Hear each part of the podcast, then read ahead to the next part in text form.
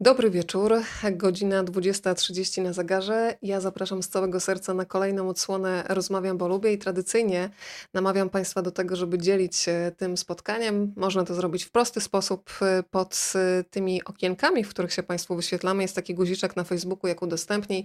Wystarczy go nacisnąć i tym samym to spotkanie pojawi się również na Waszej osi czasu.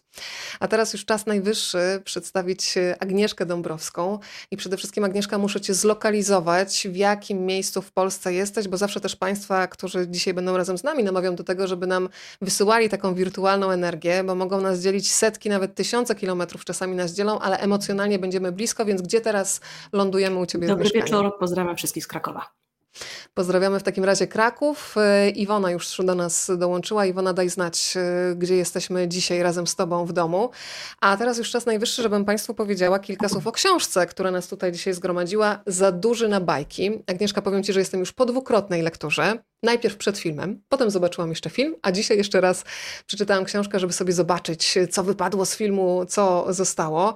Już podczas zapowiedzi. Czyli będziesz bardzo szczegółowo mnie odpytywać, rozumiem. Teraz. Oczywiście, że tak, ale tylko życzliwie, więc tutaj zero stresu, mam nadzieję. E, powiem Ci, że mm, przedstawiałam Cię w dzisiejszej zapowiedzi jaką taką kobietę wielu talentów i bardzo mi się podoba coś, co bym nazwała taką zachłannością dobrze pojętą na życie, kiedy człowiek mhm. nie lubi iść jedną ścieżką, tylko cały czas próbuje czegoś nowego, to w zasadzie ja Cię wypytam, zamiast tutaj, wiesz, wyczytywać z kartki, jakimi rzeczami Agnieszka Dąbrowska się zajmowała po drodze, zanim zaczęła pisać książki? Widziałam tę twoją zapowiedź, wiesz, że pomyślałam sobie, o Boże, to brzmi tak, jak mi się strasznie chciało. To oczywiście to, czytałaś tę zapowiedź prawdopodobnie z mojej notki biograficznej tak. z książki, prawda? I oczywiście, że takie notki piszą sobie sami autorzy. I jak ją przeczytałaś, pomyślałam, ojej, brzmi to trochę tak, jakbym się strasznie chciała pochwalić, ale tak naprawdę ja nie mam się czym chwalić, te różne zawody to nie było nie wiadomo co. Grałam kozej kaczmarza w teatrzyku wędrownym, e, ale to są, to, są, e, to są takie doświadczenia, które są bardzo barwne, jakoś zostały we mnie i teraz mam wrażenie, że mam z czego korzystać, jak piszę. Rzeczywiście to jest, to jest ja mam taki permanentny głód e, robienia nowych rzeczy. Ciekawa jestem, jak długo zostanę przy pisaniu, ale to pisanie jednak daje różne możliwości pobawienia się różnymi postaciami, bycia różnymi osobami, ale już w momencie pisania tej notki, że pisanie, da, e, e, tworzenie scenariuszy, pisanie książki daje mi możliwość przez chwilę bycia kim chcę, kiedy już to pisałam, zaczęłam się zastanawiać, kogo ja oszukuję. Przecież moje życie sprowadza się teraz do klepania w klawiaturę i potem boli mnie kręgosłup, boli mnie tyłek od siedzenia, a ja sama się czaruję, że robię nie wiadomo co i jestem po prostu kim, kim chcę. Więc to jest takie troszkę złudne, ale rzeczywiście przy tym zawodzie wydaje się, że jakiś czas będę w stanie wysiedzieć, bo, bo daje mi pewną energię, którą normalnie dawały mi różne zmiany, typu właśnie praca w agencji reklamowej, e, bycie socjoterapeutką, no naprawdę bardzo, bardzo dużo rzeczy tych robiłam, przedziwnych, zupełnie od siebie różnych, odrębnych. To ja jeszcze dopowiem, e, że byłaś socjopaterapeutką, to teraz wypowiedziałaś, ale też nauczycielką, projektantką mebli.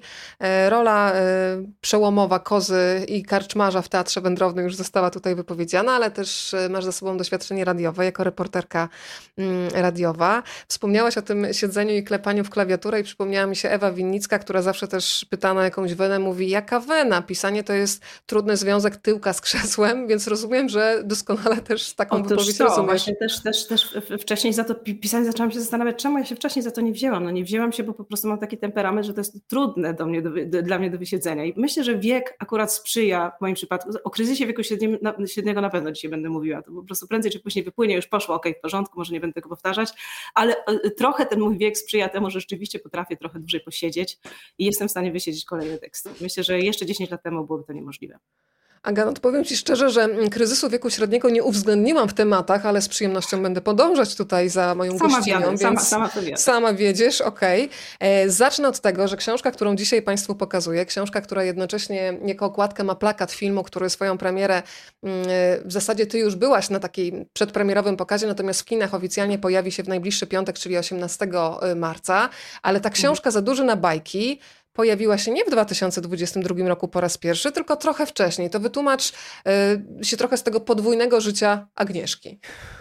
To jest podwójne życie książki, takie, takie dosłownie podwójne życie, bo ta książka przeszła dużą, dziwną drogą. No najpierw została wydana w 2017 roku, czyli w roku, w którym ją napisałam. 2017, koniec 2017 albo początek 2018.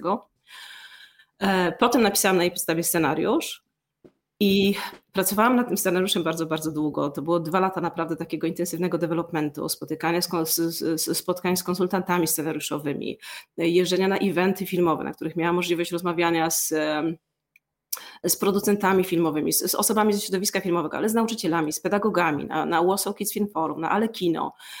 Więc czułam, że ten tekst tak dobrze wypracowałam, on zbierał jakieś nagrody e, i potem zostawiłam go trochę z książką i pomyślałam, o rany, i jest w tym scenariuszu trochę rzeczy, których nie ma w książce i bardzo mi tego, zrobiło mi się szkoda i tak sobie pomyślałam, jak kończyła mi się umowa z poprzednim wydawcą, że chciałabym trafić na takiego wydawcę, który zgodziłby się na taką dziwną operację przeredagowania tej książki i wprowadzenia pewnych rzeczy, które pojawiły się w scenariuszu. No w scenariuszu przede wszystkim pojawił się gaming, którego w ogóle nie było w pierwszej wersji książki, a on wydaje się no, takim podstawowym, niemal podstawowym tematem, takim drive'em powiedzmy, czymś, co jest na wierzchu w, w filmie i on został przeze mnie zaimplementowany w, w, w, w tej nowej premierze, w nowej książce już wydanej przez Agorę.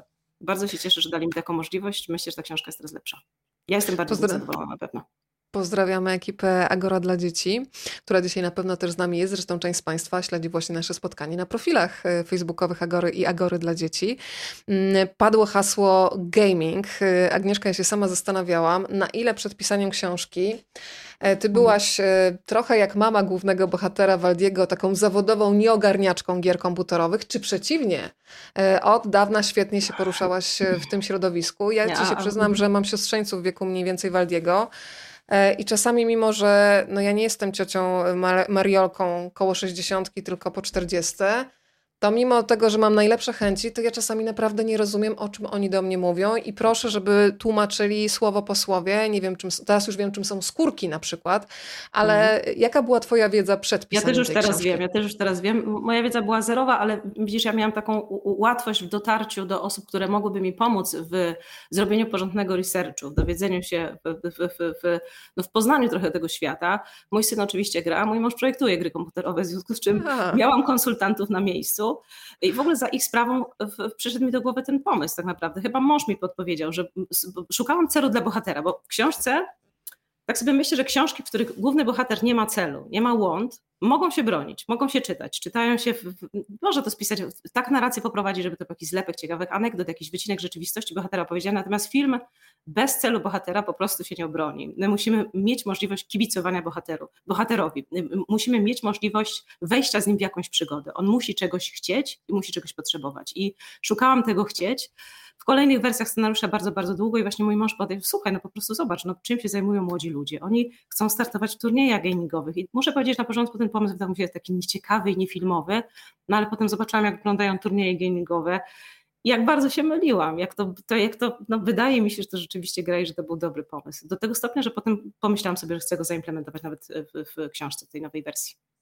Agnieszka, to powiedz tym, którzy nie widzieli nigdy na żywo takiego turnieju gamingowego e, i zawsze postrzegali gry tylko jako rozrywkę, że naprawdę w wielu domach dzisiaj gry komputerowe to jest całkiem poważne myślenie o przyszłości młodego człowieka i że to są takie miejsca, w których naprawdę można zarobić dużo większe pieniądze niż te na przykład, które zarabiają rodzice tych e, dzieci, więc e, powiedz, jak ten świat wygląda dla tych, którzy no, są kompletnymi że, że to, to, to, tylko, Ja nie wiem, czy, czy myślałam sobie o takich y, graczach, którzy rzeczywiście wiążą. No, Waldek oczywiście sobie fantazuje, że będzie robił nieprawdopodobną karierę. To jest taki prawie zawodowiec, ale takich fantazji młodzi ludzie mają całą masę. No, tak jak sobie myślą, że będą zawodowymi piłkarzami, to teraz sobie myślą, że będą zawodowymi esportowcami.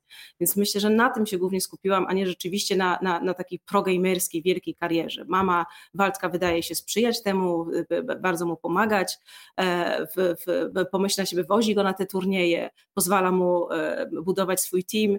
No niestety ten świat głównego bohatera e, sypie się w momencie pojawienia się ciotki, na jakiś czas na szczęście, która tych gier zupełnie nie rozumie i ona też musi przejść pewną drogę w, jako antagonistka główna i w filmie, i w książce. Musi zrozumieć, że ta pasja ma pewną wartość, bo nie można potępić gier komputerowych. W życiu nie miałabym takiego zamiaru, ani pisząc książkę, ani scenariusz. Mam nadzieję, że to wybrzmiewa mocno w, w jednym i w drugim, i w filmie, i w książce.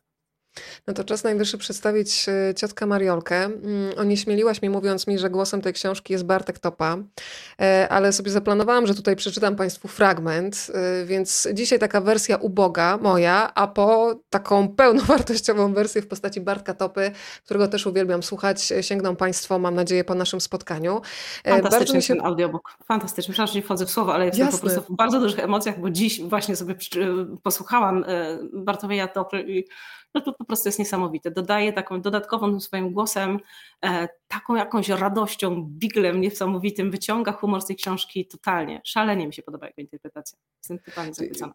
Powiedziałabym, że do zasłuchania, do zakochania jeden krok w tym audiobooku w takim razie. E, cieszę się, że trafiłaś na tak fantastycznego aktora, który pewnie jest częścią tej opowieści z tego, co mówisz. Ja akurat audiobooka nie słyszałam, więc nadrobię jeszcze te zaległości.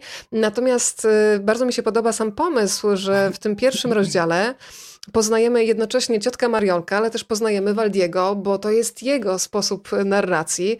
Mm, rozdział pierwszy brzmi Moje życiowe priorytety, ja tylko fragmencik. Czy każde dziecko na świecie i każdy taki ktoś jak ja, bo ja już na pewno dzieckiem nie jestem, naprawdę musi mieć kopniętą ciotkę? Czemu? Taka ciotka to zło. W powieściach ciotki latają na parasolkach, mają odjechane pomysły i tajemne moce. Z reguły są ciepłe i wesołe, a jeśli bywają szorstkie, to mają ku temu ważny powód, na którego odkrycie czekasz, niecierpliwie połykając książkę strona po stronie. Ja tych opowieści wymyślonej treści nie kupuję, nie wierzę. Kopnięta ciotka to kopnięta ciotka i po co udawać, że jest inaczej. Taką kiepską ciotkę to ma chyba każdy, a nawet jeśli nie on sam, to jego kolega taką ma. Mój kolega Staszek takiej nie ma, ale mam ją ja, a ja jestem jego kolegą, więc moja teoria ma sens, to nie? Moja ciotka jest tragiczna. Ja opowiadam o niej Staszkowi, albo jak sam mam nieprzyjemność spotkać ją od czasu do czasu, kiedy ta odwiedza mamę i mnie, to mi gość gorąco współczuje i ja to współczucie przyjmuję. Samemu mi siebie żal, poważnie. Kiedy ciotka przychodzi do naszego domu, szczypie mnie w policzki i całuje tymi swoimi wymalowanymi okropnie ustami.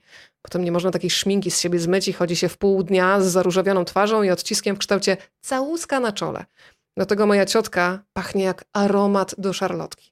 Jakby wylała na siebie litr aromatu do szarlotki o stężeniu tryliona procent, a mnie od tego zapachu robi się niedobrze. Obrzydziła mi perfumami ulubione ciasto. Jak kiedyś powiedziałem o tym mamie, to mnie oszaniła, bo brzydko mówić tak o kimkolwiek. I oczywiście ja wiem, że brzydko, ale nic na to nie poradzę, że ciotki nie znoszę, że perfumy ma ohydne i że za dużo ich na siebie wylewa i... No dobra, poniosło mnie. To mnie też poniosło, teraz już się zatrzymuję, ale powiedz trochę o więcej. Niczym tutaj... Bartłomiej Topa. Świetne to było. Dziękuję Ci bardzo. Ja wiem, że to jest grzecznościowe, bo Bartka nie przebije i nawet się nie starałam, ale chciałam, żeby Państwo poczuli klimat i język tej opowieści. Poczuliśmy też zapach ciotki y, Mariolki. Zastanawiam się, Aga, czy ciotka Mariolka ma jakiś pierwowzór. Albo może skleiła się z jakiejś postaci, które faktycznie myślę, znasz. Że, myśl, myślę, że skleiłam. No mam, mam, mam jakieś tam w przeszłości rzeczywiście tę taką ciotkę trochę pamiętam, ale, ale połączyłam ją z kilku postaci. I teraz tak sobie, dziś o tym rozmawiałam ze znajomym, bo pytał mnie, z którym z bohaterów najbardziej się identyfikuje. Zastanawiam się, E, ile tam w tej ciotce jest mnie samej, ile jest w każdym z tych bohaterów. Także słyszałam kiedyś taką teorię, że jakbyśmy się nie starali pisać nie o sobie, to i tak o sobie piszemy, więc e, no, ma pewną przewarę ciotka, którą mam i ja niestety, ale nieważne. E, ale nie, nie, nie, nie, nie, tu się nie zatrzymamy. Agnieszka, no tak podsyciłaś ciekawość, że ja teraz sobie myślisz, że ja to puszczę, ma taką przywarę jak ja, ale i tutaj zamkniesz temat? Mhm. Proszę cię. No zdradź chociaż jedną. Zauważyłam, że jak odnoszą się ludzie do tej ciotki, to każdy ją lubi. Zastanawiam się, czy to się dzieje już za sprawą Doroty Kolak, że, czy, muszę to rozróżnić właśnie, że to są osoby, które już widziały film i po prostu lubią ją przez fenomenalną e, Dorotę Kolak, czy, e, czy rzeczywiście to są osoby, które przeczytały książkę i odczytują jako bohaterkę mimo wszystko sympatyczną. Bo dla mnie to nie jest takie oczywiste, że ona jest jednoznacznie pozytywną osobą. To jest osoba, której e, no, zdarza się, że trochę brakuje taktu i zdarza się, że tu jestem właśnie przy tym temacie, zdarza się, że przekroczy czyjąś granicę, bo po prostu za dużo gada i więc chlapnie w tym swoim słowotoku coś niewłaściwego i czasem no, potrzeba drugiej osoby, która zwróci jej uwagę na to, że rzeczywiście trochę przegięła i musi zrobić krok w tył. Więc no, e, to, to chyba ma trochę ze mnie, ale przypominam sobie z dzieciństwa taką barwną ciotkę, która, która była jakąś inspiracją, jakimś takim barwnym takiem. Natomiast ja mam wrażenie, że to jest taki. I zastanawiam się też, wiesz, czy. E, Nie, to, to, to, to zupełnie mi odleciało, ale myślałam sobie o Akademii Pana Kleksa, wiesz, o Panu Kleksie, o takim, z, takiej tak. odklejonej zupełnie postaci, barwnej, fantazyjnej, która została w mojej głowie gdzieś z dzieciństwa i czy przypadkiem tutaj jakiegoś takiego połączenia nie ma dziwnego, że, że, że, że sam wypłynął ze mnie bohater taki, których dawniej zrobił na mnie wrażenie, czyli ktoś taki będący na pograniczu rzeczywistości i fikcji. E, chyba to jakoś tak.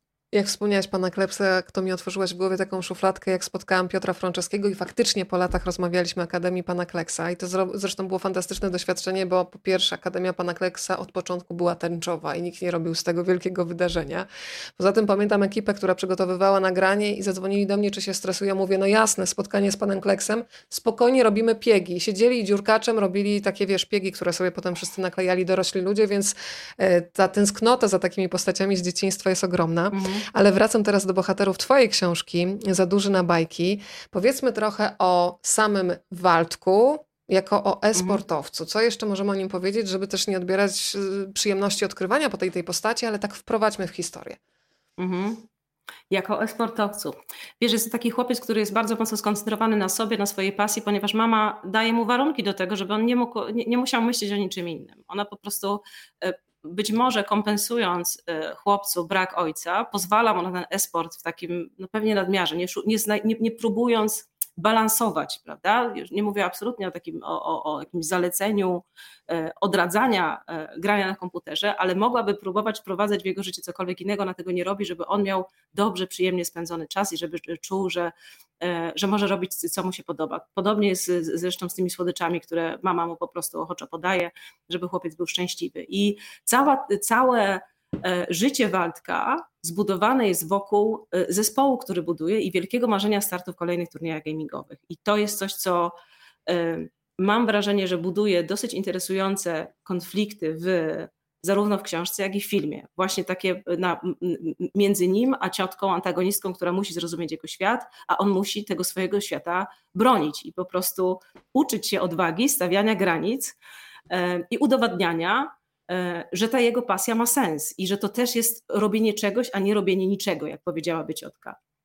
Także Ciotka dla niego to jest wielka, wielka rzecz. Hmm? Ciotka ma sporo też takich powiedzonek, które sobie teraz schowałam na stałe do codziennego języka, więc za to Ci Agnieszka też dziękuję, bo to też jest siła tekstu, kiedy sformułowania z książki na stałe wchodzą do języka codziennego. U nas w domu to już funkcjonuje, więc mam nadzieję, że będzie szersza siła rażenia dzięki Twoim kolejnym czytelnikom. To przedstawmy Staszka. Ja przyznaję, że też go darzę dużą sympatią. To jest no, taki bohater, który na przykład ma problemy ze słowem przepraszam i od razu sobie pomyślałam, i o takich sytuacjach, kiedy sama kombinuję, jak przeprosić, ale może, żeby nie wprost, ale też o całej masie mhm. znajomych, którzy y, mają takie skłonności. Mm, Waldek mówi o nim taki mój ziom, super lojalny kumpel, przynajmniej na pewnym etapie, tyle, że nieco narwany. Co byś jeszcze dodała w takiej prezentacji Staszka? No myślę, że to jest taki chłopiec, który w trakcie e, rozwijania się historii odkrywa, jak wielką wartość ma w sobie e, przyjaźń, przyjaźnienie się z Waldkiem i sam Waldek. Ten tekst, w którym wypala, nie wiem, czy, czy to jest tylko w książce, czy w filmie, tutaj mogę mieć takie kłopoty czasem, że, że mogę mieć kłopoty z, z rozróżnieniem, czy, czy sama mi może powiesz, czy on w książce rzeczywiście mówi do Waldka, mówi na pewno, mówi do Waldka, że nie przypuszczał, że taki ktoś jak, tak. jak on, jak Waldek, no to jest straszna treść, prawda? On mówi Waldkowi, swojemu przyjacielowi, nie przypuszczałem, że taka dziewczyna jak ona, Delfina, że poleci na kogoś takiego jak ty. To jest, to jest, I to jest chłopak, który dopiero uczy się po pierwsze ważenia słów, a nie po pierwsze, to po drugie. Po pierwsze musi zauważyć wartość swojego przyjaciela, że ona nie jest e, w ogóle w jego wyglądzie, ona jest gdzie indziej, że to jest fantastyczny chłopak warty miłości, zainteresowania, E, spotykania się z fantastycznymi dziewczynami. E, także to jest chłopak, który w trakcie tej książki dorasta do, e, do tego, by, by być rzeczywiście lojalnym, prawdziwym przyjacielem i wydaje się, że no, ostatecznie staje na wysokości zadania. Potrafi być przy swoim kumplu, przy Waldku, chyba w najgorszym, najbardziej stresującym momencie jego życia. Nie wiem, jak dużo mam opowiadać, żeby nie, nie, nie, nie powiedzieć wszystkiego, więc no, najpierw go zdradza, ale potem nadrabia i potem bez tego słowa przepraszam, E, chyba potrafi odkupić swoją winę. Zdecydowanie tak. Zastanawiałam się też, Agnieszka, przy czytaniu, szczególnie po raz drugi, na ile też musiałaś uzupełnić taki młodzieżowy slang, bo tam się pojawiają i srogie z y, pranki, i emotki, i przedwakacyjne e, luzowanie żuchwy, i chillowanie, e, i super pros, też takie określenie, które oczywiście gracze doskonale znają, ale ci, którzy są spoza środowiska, może niekoniecznie.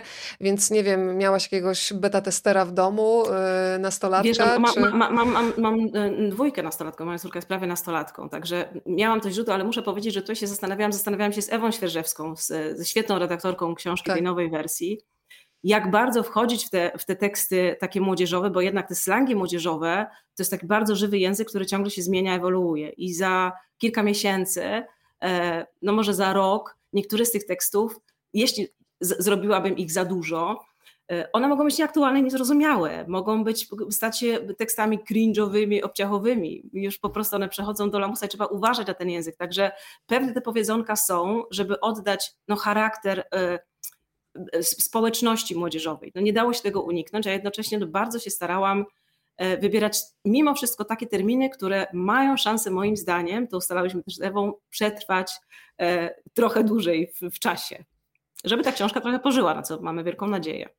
Ja też czytając po raz drugi zdałam sobie sprawę z tego, mm, jak piękną polszczyzną jest też napisana twoja książka, a myślę o bogatym słownictwie. I ona się pojawia jakby mimochodem przy okazji. I nawet jeżeli czytająca młoda osoba właśnie natrafi na nowe słowo, to będzie w tej zagwozdce o co chodzi razem z głównym bohaterem, bo on też się nowych rzeczy uczy. I tam jest na przykład, nie wiem, takie słowa jak empatyzować, mamy wyimaginowane zagrożenie, e, ironizując, rutynowe badania, e, emfaza. I to jest świetne, że tak naprawdę oni mogą się potykać, ale potykać o to, czego na przykład nie rozumie sam bohater. Na przykład też cały czas się potyka o słowo priorytety i dla niego to są pirytety. Mhm. Rozumiem, że to też było celowe y, zachowanie, żeby po takiej lekturze taki młody człowiek nagle mógł też zaskoczyć swojego rodzica, że wypowie takie zdanie, którego nawet dorośli nie używają w takiej szybkiej komunikacji. Już nie wiem, czy sterowałam tę książkę tak, żeby ona dawała możliwości poszerzania słownika, natomiast wzbraniałam się przed tym, e, wybierając na narratora chłopca, e, wzbraniałam się przed tym, żeby nie napisać jej banalnym językiem, żeby, żeby ta książka tak. nie była przez to, że naszym narratorem jest, jest młody bohater, żeby ona nie była niepotrzebnie zbyt prosta. I dlatego ten chłopiec, nawet sam Waldek, czasem przekręca słowa, ale e, próbuje powiedzieć coś. Do, ma, ma, w filmie też jest taki voice-over, który jest troszkę mocniejszym, mądrzejszym głosem niż wszystkie rzeczy, które słyszymy wypowiadane z ust bohatera. I myśli, to jest myśli, które, które chodzą po głowie Waldkowi w książce, są, y, mogą się czasem wydawać takie zbyt dorosłe jak na takie chłopaka. A jednocześnie to jest chłopak, który no, poważnej rzeczy, ważnej w życiu doświadcza, i wchodzi w dorosłość, więc pewnie stara się być dorosły i tych terminów używa. Więc mam nadzieję, że taki zdrowy balans dobry jest zachowany, że fajnie, że wyhaczyłaś te słowa. Mam nadzieję, że młodzi ludzie się trochę ich nauczą, przyjmą, przyswoją. Natomiast też nie był, na, naprawdę nie miałam takiego zamiaru edukacyjnego, tylko chciałam stworzyć bohatera, który ma pewną specyfikę języka, e, taką, taką jemu właściwą. To jest hmm? dla mnie niezwykłe, że tak naprawdę świetnie się to czyta i młodemu czytelnikowi, i temu dorosłemu. Zresztą ja uważam, że lektury dla młodych czytelników powodują, że nasza wyobraźnia nie rdzewieje i że wracamy do takiej podstawowej, najważniejszej, najprostszej wrażliwości, którą jako dorośli gubimy. Więc y, bardzo Ci Agnieszka za, za dużego na bajki dziękuję. Y, tutaj trochę zidentyfikowałyśmy, proszę, aż, aż tutaj głosu, głosu mi brakuje z wrażenia, ale zidentyfikowałyśmy ciotkę y, Mariolkę, że jednak jakieś tam autentyczne postaci są zamieszane w jej powstanie. Ja dzisiaj przyznaję, że mm, wzruszyłam się przy tym fragmencie książki, kiedy nasz bohater jedzie do swojego dziadka Ignacego i zastanawiałam się, czy któraś z tych historii, nie musisz mówić dokładnie e, która, ale czy wydarzenia związane z historią dziadka, jego rodziną, jego miłością, mm, wydarzenia też związane z jakimiś wojennymi wspomnieniami, czy coś jest, co było ci bliskie. Wojenne wspomnienia. Twojej... Była jedna tak. osoba w tej pierwszej, po przeczytaniu pierwszej wersji książki, która powiedziała mi, no Agnieszka, uważaj na takie rzeczy, bo one tam troszkę wystają. Jak się wplecie w historię, która jest całkowicie zmyślona, która jest całkowicie zmyślona w plecie się takie prawdziwe opowieści, to mogą, mogą ściągnąć uwagę i może ktoś się domyślić. Nie widzę, ja nie widzę problemu w tym, że ktoś się domyśli, tym, tak. że, że, że, że, tylko no mam nadzieję, że gdzieś tam po redakcji trochę to jest takie wplecione e, ciekawiej w treść. No pewne rzeczy rzeczywiście są zaczerpnięte z życia, z jakiejś historii mojej rodziny, ale generalnie no, w 99% ta historia jest e, zmyślona. No, jeżeli czerpię z jakichś swoich doświadczeń, to myślę, że nie wiem, czy, czy użyć tego terminu, czy użyję go właściwie, że kończyłam psychologię, ale, ale to już blisko 20 lat temu i teraz nie wiem, czy tu się nie wygłupię, ale jest taki termin jak sublimacja, czyli, e, czyli to jest rodzaj takiego mechanizmu obronnego, który sprawia, że poprzez sztukę możemy sobie coś przepracować, więc ja pewnie mhm. przepracowuję jakieś spotkania, jakieś rzeczy, ważne sprawy z, z, z które gdzieś mnie spotkały w przeszłości, ale robię to w taki przetworzony sposób, że nawet że osoby, które mnie znają, znają mojej historii w życiu, by nie rozpoznały, że gdzieś tam te inspiracje są takie bezpośrednio brane z życia. Z w historii dziadka trochę jest takich opowieści mojej mamy, moich dziadków. Coś tam rzeczywiście można przeczytać z tak. Dla mnie niesamowite jest to, że oddajesz takiego młodego człowieka, który jest bardzo bystrym obserwatorem e, i mhm. trochę funkcjonuje jak taki radar, czyli czyta z gestów, e, z mimiki. E, ja ostatnio znalazłam jakieś swoje pamiętniki z końcówki szkoły podstawowej i słuchaj, zapomniałam w ogóle, że byłam taką dziewczynką, tak straszliwie wrażliwą, gdzie wszystko było na wierzchu. I znalazłam takie opisy stanów, kiedy wyczuwasz, że coś jest na przykład nie tak, ale nie jesteś w stanie tego nazwać. Yy, powiedzmy o tych uczuciach, o których można porozmawiać już po książce, bo Twoja książka jest zdecydowanie yy, taką opowieścią, którą się czyta, śledzi się losy bohatera, towarzyszy się w jego emocjach. Tam jest yy, bardzo dużo radości, uśmiechu, ale też poważnych tematów. Natomiast potem wyobrażam sobie, że na bardzo wiele tematów można porozmawiać z dzieckiem. Te najważniejsze dla Ciebie. Najważniejsze dla mnie. Myślę, że to jest temat e, lęku. E, temat e, lęku, który tak naprawdę dotyczy wszystkich bohaterów po kolei. Boi się Waldek, najpierw maskuje ten swój lęk, stara się skupić na swojej pasji, mimo że od początku domyśla się, że, że, że, że, mama nie idzie tylko na badania. Że dzieci widzą, słyszą, nie są głupie.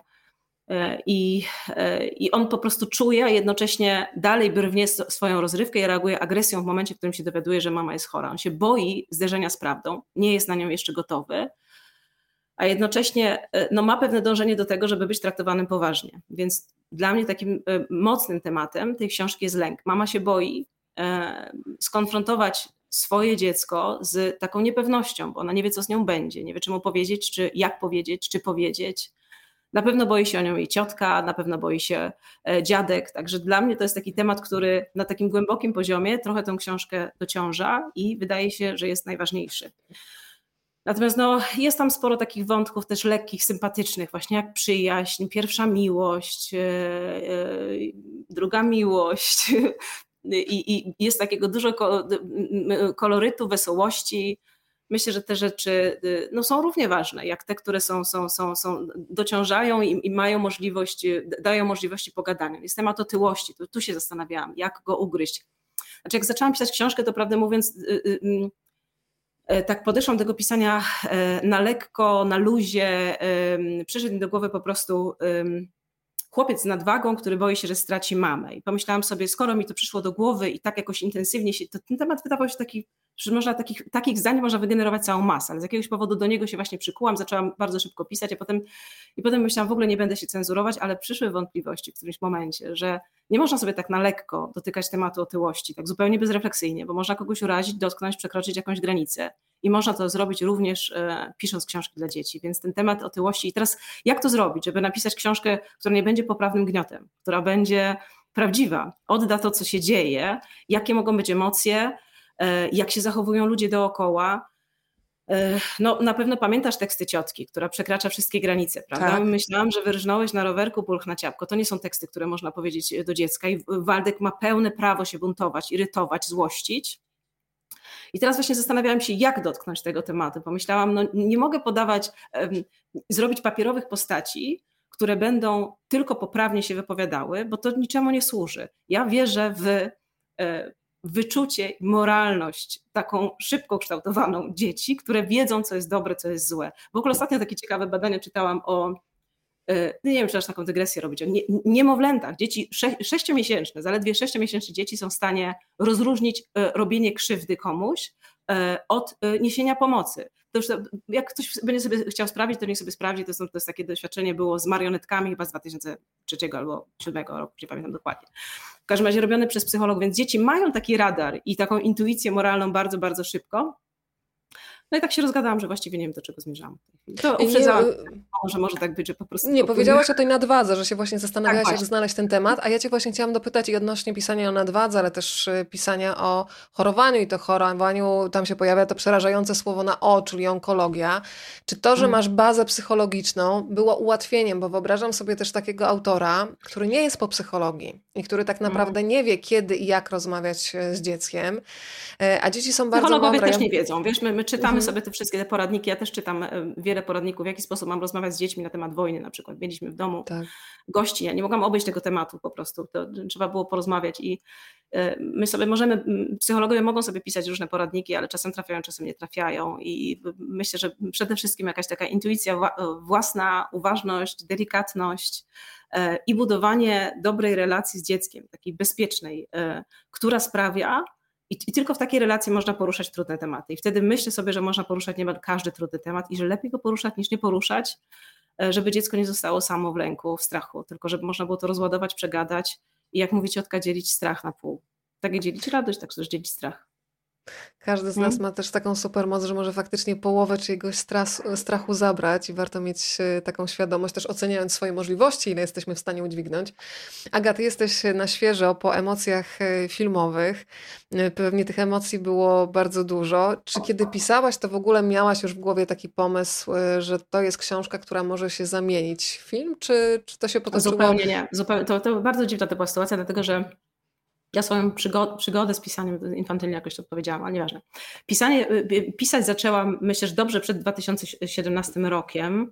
I pisałam scenariusze filmów pełnometrażowych, e, e, fabularnych. Wysyłałam je, ja nie jestem w ogóle związana, nie byłam wtedy związana nijak ze środowiskiem filmowym. Nie skończyłam żadnych kursów scenariuszowych, żadnej szkoły filmowej, wysyłałam tylko te teksty na konkursy scenariuszowe z pewnymi sukcesami.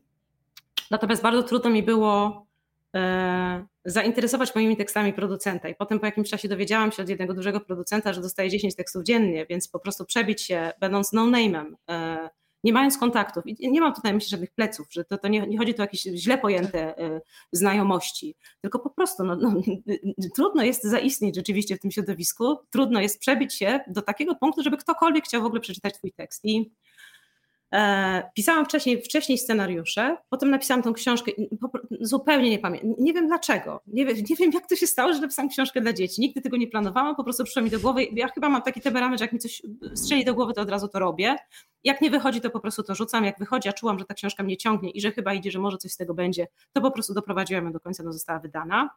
I potem tak naprawdę ja nie widziałam w niej potencjału na film, ja zauważyłam ten potencjał chyba za sprawą e, chyba nawet na pewno, za sprawą jakiejś pani nauczycielki. Na jednym ze spotkań autorskich nie było wiele, ale na jednym ze spotkań autorskich podeszła do mnie pani polonistka w jakiejś szkole i powiedziała, że podoba jej się ta książka, dlatego że porusza trudne tematy w lekkiej formie i że jej zdaniem na rynku e, literatury e, polskiej troszkę takich książek dla dzieci brakuje i brakuje też takich filmów.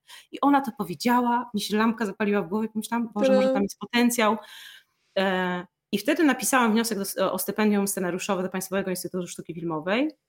Ku mojemu zaskoczeniu, e, ja to stypendium dostałam i nagle e, producenci mnie zaczęli zauważyć i chcieli ze mną pracować, bo to jednak pewną furtkę. Państwowy Instytut tak. Sztuki Filmowej to jest taka pieczątka, która pewne rzeczy rzeczywiście otwiera. I po prostu tak, tak e, zaczęła się przygoda pisania scenariusza na podstawie książki. Pani Mariola napisała, że ostatnio widziała swoją, ze swoją córką Dosią zwiastun w kinie i Tosia od razu powiedziała, że musimy przeczytać książkę i zobaczyć e, film. E, ja dzisiaj to Państwu też ułatwię, bo będę mieć dla Was i książki, i zaproszenia do kina. No ale skupię się teraz, Agnieszka, na Twoich emocjach, mm, bo one muszą być wyjątkowe. Raz e, ten pierwszy etap, wyobrażam sobie, że jednak bardzo trudny, kiedy książkę trzeba przekształcić na scenariusz, no i trzeba mieć świadomość, że z pewnych wątków trzeba będzie zrezygnować, no bo takie jest wymaganie też języka filmowego, żeby zmieścić to w opowieści kinowej, która trwa ponad y, godzinę, no ale nie rozciągnie się w nieskończoność. Na ile to było wyzwanie dla ciebie, żeby to, co było takie bardzo twoje, bo nie pracowałaś na obcym tekście, tylko na swoim, mhm. zmniejszyć do tego rozmiaru scenariusza? To było dosyć trudne i myślę, że zdawałam sobie sprawę w tym, e, e, z tej trudności na samym początku pracy, bo pamiętam, że w tym wniosku scenariuszowym, to było przecież chyba w 2018 roku, i pamiętam, że napisałam w tym wniosku, że wiem, że to będzie trudne, żeby, że, że te materie, e, książka i zupełnie inny utwór, scenariusz, że mogą mi się mieszać i że będę pewnie chciała korzystać z pomocy konsultantów scenariuszowych i że w tym widzę największe wyzwanie. Jak dostałam to stypendium scenariuszowe, za sprawą off-kamery miałam możliwość e, skorzystania z pomocy pewnej konsultantki scenariuszowej, pani Ewy Ward z Tolinora. Pomyślałam, to jest trochę bez sensu, bo jestem na takim bardzo początkowym etapie rozwoju tego tekstu, o czym ja będę z nią w ogóle rozmawiać, ale pomyślałam, no z takiej okazji, no po prostu nie mogę podziękować, skorzystam. Poszłam na to spotkanie i ta pani powiedziała mi, jak to zrobić. Ona się bardzo zdziwiła, że nie wiem, czy pomyślała sobie mnie, że jestem megalomanką, że będę teraz pisać scenariusz, biorę tego swojego Waldka z książki i prowadzę go do kina, czy nie wiem, nie wiem, y, czy, czy, mhm. czy pomyślała, że, że jestem bardzo odważna. Whatever, ona mi dała jedną radę. Powiedziała, że pracowała do tej pory z autorami, którzy robili e, adaptacje książek, mm, ale nie swoich i radziła im zawsze to samo. Zasugerowała mi zrobienie czegoś takiego. Przeczytaj swoją książkę, wypisz z niej na karteczce rzeczy, które najbardziej cię w niej poruszają, które najbardziej ci się podobają. Pamiętaj, żeby to była tylko jedna strona zamknij książkę, odłóż ją na półkę i nigdy więcej do niej wracaj. I wtedy jest szansa, że napiszesz dobry scenariusz. Bo jak się Nie będzie jak, tak bolało, no prawda? Właśnie, chodzisz, to trzeba, i teraz już mogę sama rozwinąć po prostu, bo, bo można się naprawdę zaplątać w w wątkach, które się lubi, w bohaterach, którzy niestety muszą polecieć, bo, bo, bo tych wątków, ta książka jest bardzo wielowątkowa, film jak na film również. Natomiast no po prostu y, y, pewne rzeczy z tej książki trzeba było wyrzucić, ale dzięki temu no dzisiaj mogę powiedzieć, i myślę, że to jest dobre, że ta książka nie jest odwzorowaniem tego, co jest w filmie, tylko ona jest po prostu bogatsza o wiele, wiele wątków. I to jest chyba w porządku. Porządku dla czytelnika, który zamierza przeczytać książkę i zobaczyć film. Natomiast to rzeczywiście było pewnego rodzaju wyzwanie, ale tej pani Ewie Ward, jeszcze nie przekręcam nazwiska, ale chyba, chyba tak ono brzmiało, no zawsze będę wdzięczna, bo to był taki mocny początek, ja dokładnie tak zrobiłam, tylko że finał był taki, że potem w tym scenariuszu totalnie odleciałam od książki, potem myślałam, no przecież dziwne, ja nie zrobiłam adaptacji, tylko napisałam scenariusz na motywach swojej książki. No bardzo dziwne, że aż tak bardzo, że aż bardzo, bardzo, że aż tak, że aż tak się od tego odkleiłam i dlatego potem pomyślałam sobie, no fajnie by było tak troszkę tą książkę podciągnąć, skorzystać ze scenariusza, z tego doświadczenia, które nabrałam przez te lata. E, trochę się rozpisałam, mam wrażenie, że rozwinęłam warsztat, popracowałam trochę nad tymi relacjami między bohaterami, nad łukami bohaterów, nad całą strukturą. No i te wszystkie rzeczy gdzieś tam znalazły miejsce w książce, jednocześnie nie wycinałam z niej rzeczy, które, które w niej były i które działały.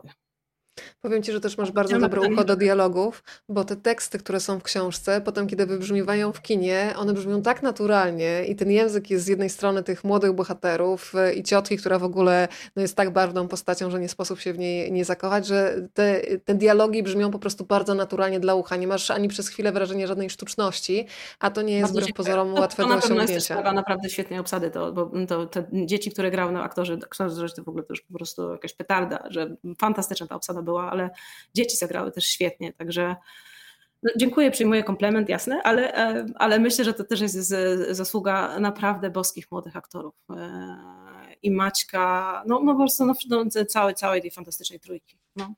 no to jeszcze porozmawiamy, zaraz będą tutaj pochwały w stronę zarówno młodych, jak i nieco starszych y, aktorów, rzecz jasna, ale jeszcze mnie interesuje Twoja współpraca z Christopherem Rusem.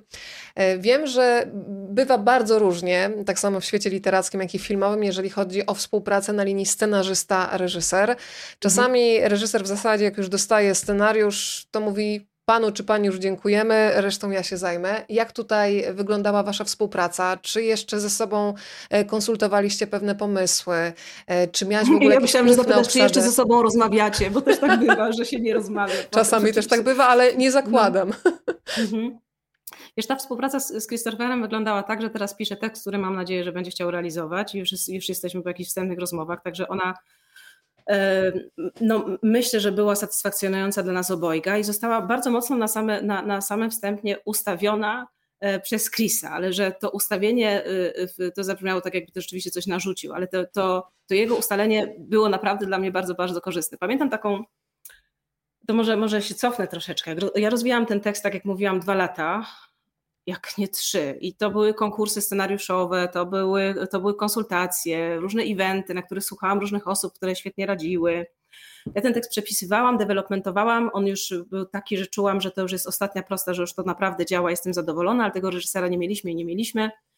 I ktoś mi powiedział, e, jakiś znajomy albo scenarzysta, albo reżyser, nawet nie wiem, czy nie usłyszałam te, tego od kilku osób, że ty nie spodziewaj się tego, że jak, czy spodziewaj się tego, że jak będziesz miała tego reżysera, to ten tekst na pewno jeszcze o sobie przepisze 10 razy, e, to on go po prostu przeora.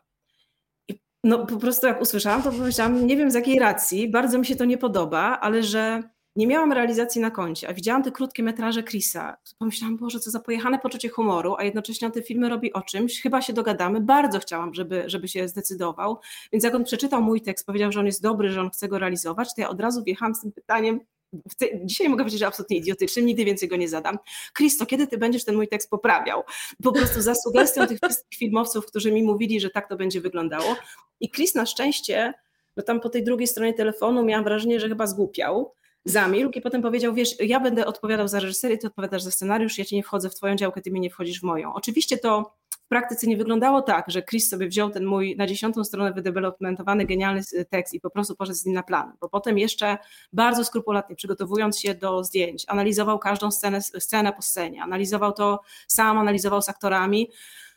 E, no i były takie sytuacje, mm, i wtedy zabawne, i teraz dla mnie zabawne. Chris mówi dosyć powoli, on jest taki refleksyjny, takie długie pauzy robi i wykonywał do mnie od czasu do czasu taki telefon, mówił jeszcze wolniej, te pauzy były jeszcze dłuższe, wiedziałam, że po prostu coś się tam kroi i mówi tak na przykład, wiesz Agnieszka, bo my tutaj siedzimy sobie z Karoliną, miałam na myśli, że Karolinę Gruszkę, jesteśmy tutaj, jesteśmy na scenie, na strychu i ja tak coś czuję, ja tak czuję i ja wiedziałam, że jak on mówi, że coś czuje, to znaczy, że szykują się jakieś poprawki, natomiast Chris tych poprawek nie narzucał. On coś czuł, że coś nie działa, że może zadziałać lepiej, ale zostawiał mi wolną rękę, żebym ja poprawiła to tak, żeby to zaczęło działać. I czasem mnie się wydawało, działa, ja nie wiem o co wam chodzi, ale, ale bardzo się starałam zrozumieć o co chodzi, bo jeżeli reżyser i aktor mówią, że jakiś akcent, może nie ten, może to nie powinno być tematem sceny. W każdej scenie jest wiele wątków, może być wiele wątków, ale jakiś temat musi się e, wysuwać na prowadzenie. I zdarzały się takie poprawki, że temat sceny się zmieniał, że po prostu trzeba było zmienić gdzieś jakiś akcent w niej i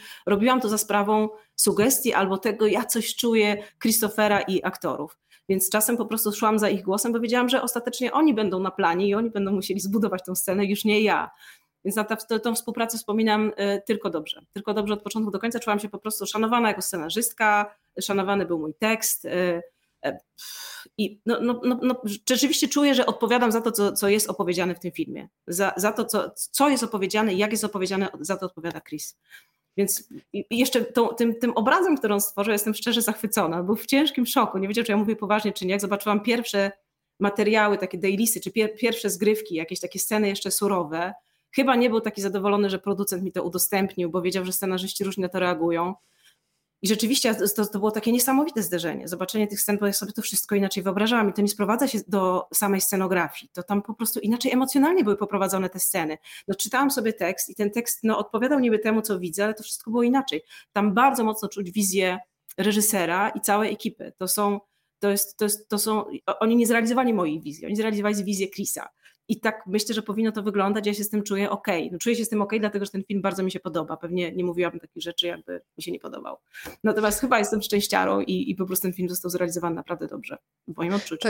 Ja też Państwu polecam, żeby zrobić sobie taki eksperyment w swojej głowie, zanim wybierzecie się do kina, bo jak już pójdziecie do kina, to będziecie mieć konkretne twarze e, czytając, a tak to można się pobawić trochę w reżysera castingu, czyli powyobrażać sobie bohaterów, którzy graliby Waldiego, jego mamę, dziadka. Też no i zawsze książki, tak. prawda? Bo, bo zawsze no. książki pozwalają na takie uruchomienie tego najbardziej, to nazywam intymnego seansu w naszej głowie, e, mhm. który mm, w odwróconej kolejności już niestety raczej nie działa, bo mamy po prostu konkretne twarze przed oczami i trudno je potem gdzieś z głowy y, usunąć. Ja jeszcze pokażę Państwu ilustrację, bo dzisiaj w zasadzie pozwolę zerknąć i do środka książki, wyjdziemy też Ilustrację Marty Krzewickiej. Dokładnie tak. Ma Marta Krzywicka tutaj wielkiej euforii cały czas. O. No. A powiedz, jak pierwszy raz w ogóle, czy wy się z Martą Krzywicką znałyście wcześniej? Nie, nie znałyśmy się. Agora, Agora, nie połączyło nas absolutnie wydawnictwo, a Agora zaproponowała kilku ilustratorów. Zaczęliśmy się razem zastanawiać, jakie ilustracje byłyby odpowiednie. Od początku byłam za kreską Marty Krzywickiej. Pomyślałam sobie, że to jest taka kreska, która może trafić do trochę starszego czytelnika. Ona nie jest, ona jest taka odważna, on fantastycznie rysuje postaci.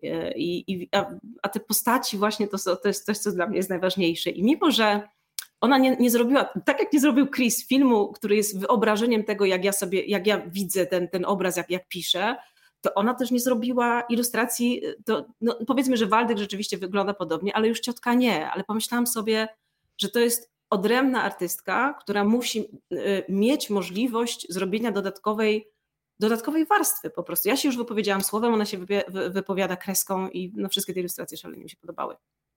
Żadną nie dyskutowałam.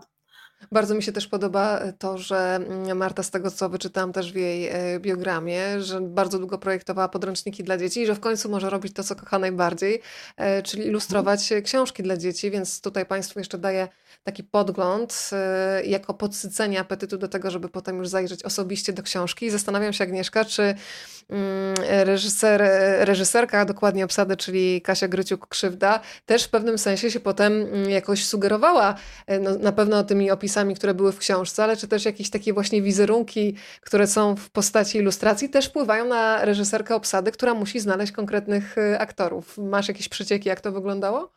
Myślę, że nie. Myślę, że, że, że rzeczywiście ta e, ekipa filmowa, producent, reżyser i reżyserka castingu e, chyba szukali swoich wyobrażeń, e, takich zupełnie odrębnych. Nie sądzę, żeby się, się inspirowali czymkolwiek. Na pewno nie inspirowali się żadnymi moimi odpowiedziami, mimo że łamiąc troszeczkę ten układ, który był między Chrisem a mną, odrobinę się tam wpychałam do tego, żeby podpowiadać jakieś swoje E, jakieś, no ale jak już usłyszałam, że to będzie, nie wiem, kola, gruszka, to myślałam, Boże, z czym ja tam się pcham, to jest, to jest ta półka, to jest, to jest rewelacyjna półka, cieszyłam się bardzo, więc już przestałam, e, przestałam się wpychać w, coś, co nie było moją działką. Ale nie bądź no. taka skromna, bo z dobrze poinformowanych źródeł wiem, że jednak trochę maczałaś palce mm, w debiucie pewnego młodzieńca. Maciej Karaś to jest ten młody człowiek, którego teraz mam w głowie, czyli twórca roli Waldiego. Po raz pierwszy na ekranie. Jestem przekonana, że nie po raz ostatni, bo teraz reżyserzy ja będą wykonywać do niego kolejne ja telefony też. przy okazji innych produkcji. Niesamowite no, więc... zwiadzeniem. Czy słyszałaś, jak on udziela wywiadów? Poza, poza nie, tą grą, to po prostu ten chłopak, nie, to po prostu rewelacja jest. To jest absolutna, to jest, to jest, to jest chłopak urodzony na gwiazdę. Gra fenomenalnie, ale jeszcze jak on potrafi powiedzieć e, o aktorach, o współpracy, o wszystkim, taka po prostu dobrze pojęta, e, fantastyczna pewność siebie, rewelacyjny, dowcipny, niesamowity jest ten chłopak. I te, no, rzeczywiście tutaj jakiś tam minimalny wkład w to, że ten, ten Maciek e, gra, czy w ogóle, czy miał możliwość startowania w castingu, miałam. Otóż E, chyba jeszcze nie było, na pewno nie było jeszcze Christophera w e, zespole, więc jak nie było Chrisa, to też nie było reżyserki castingu, był tylko chyba producent i ja. Zostaliśmy zaproszeni do takiego eventu Warsaw Kids Film Forum i na potrzeby tego eventu ja musiałam zrobić prezentację. E, I no, mój mąż tą prezentację opracowywał graficznie, ale jakoś tak nie mogliśmy na, stoku, na stoku znaleźć odpowiednich zdjęć, więc poprosiłam moje dzieci, czy zgodziłyby się, akurat były w takim wieku Staszek i, i, i delfina, czy mogłyby zapozować. No moje dzieci zrobiły mi wielką łaskę, ale zgodziły się i pozowały. I potrzebowałam jeszcze chłopca, który przypominałby Waldusia i pomyślałam sobie właśnie o Maćku Karasiu, który chodzi z moim synem do klasy. Zadzwoniłam do jego taty i zapytałam, czy nie pożyczyłby mi swojego dziecka do sesji zdjęciowej powiedziałam i jemu, i jego synowi, słuchajcie, z niczym się to nie wiąże. Ja nie mam najmniejszego i nie będę miała wpływu na pewno na żaden casting. To jest, że w ogóle nie wiadomo, czy ten film powstanie, to są dopiero jakieś prezentacje. Maciek, jeżeli się zgodzisz zapozować, to jest to absolutnie tylko przysługa dla mnie, nie wiem, za czekoladę albo za dziękuję, ale nic, nic na nic nie wpłynę. I to dziecko przyszło do mojego domu, robiliśmy mu zdjęcia i mówiłam, Maciek, a spróbuj tak zapozować, że tam podrywasz dziewczynę, a spróbuj zapozować tak, że jesteś wkurzony. Po prostu był tak nieprawdopodobnie plastyczny i fotografujesz tak świetnie, ma przepiękne, ogromne, o takie wyraziste oczy. Był świetny I, i potem Chris przyszedł do zespołu, zobaczył sobie te zdjęcia e, Maćka i powiedział, ten chłopak to właściwie mógłby tak wyglądać. I myślał, że to jest jakiś chłopak w ogóle chyba ze stoka. Mówię, no to wiesz, no to ja tylko chciałabym zasugerować, zaproście do castingu go po prostu. I i rzeczywiście e, ten casting trwał wiele miesięcy. E, Kasia jeździła po całej Polsce i szukała właściwego chłopca. I Maciek został zaproszony do tego castingu, przechodził uczciwie wszystkie etapy tego castingu. Ja już nie miałam najmniejszego wpływu na to, tylko na to, że on, w ogóle wystartował w castingu. I po prostu on, on, on no, pozamiatał, rozbił bank. To był chłopiec, który nie grał wcześniej nawet w reklamie, więc no myślę, że dla ekipy wiązała się taka współpraca z nim z dosyć dużym ryzykiem, że coś się wysypie, że ten chłopak, nie wiem, nie da rady, to jest jednak wiele godzin pracy na planie. ale no, ma tyle uroku, jest tak zdolnym gościem, że no, zdecydowali się zaryzykować i myślę, że zrobili świetnie. Więc ja jestem no, po prostu super szczęśliwa. Kto nie no ryzykuje, ten nie pije szampana, jak to mówią. A faktycznie powiedziałeś, że czasami, i znam też takie opowieści przecież z planów filmowych, że czasami jest tak, że na castingu ktoś jest świetny, wyluzowany, nagle wkracza na plan, jest totalna blokada i to jest mhm. ogromne ryzyko dla produkcji filmowej, więc bardzo się cieszę, że tutaj Christopher, Christopher Rus razem z całą ekipą y, zdecydował się podjąć to ryzyko i jak się okazało postawił na jak to się mówi, właściwego konia, tak? No właściwego konia, ale podobno atmosfera na planie była bardzo fajna. Pytałam Maćka przez to, że to jest mój sąsiad, więc mogłam z nim pogadać, później tak podpytać rzeczywiście jak to było. E, czy jest tak, jak wszyscy aktorzy opowiadają, że było tak sympatycznie, czy rzeczywiście dla niego było sympatycznie. I rzeczywiście było bardzo, bardzo fajnie. Wszyscy tam o niego dbali, bardzo go lubili. Dzieci czasem zdarza się, słyszałam od innych reżyserów, zdarza się, że gremaszą, że gwiazdorzą. I, a, a Maciek po prostu był takim wdzięcznym, fajnym, pracowitym, niezwykle z tego co mówi Chris, silnym psychicznie na planie chłopakiem, który po prostu wchodził no, we wszystkie sceny, nawet bardzo mocne i podejrzewam, że dla niego trudne do zagrania z jakichś prywatnych powodów. E, no wchodził nieprawdopodobnie. No chłopak e, no, wykonał kawał dobrej roboty. Wszyscy jesteśmy nim absolutnie zachwyceni. Hmm?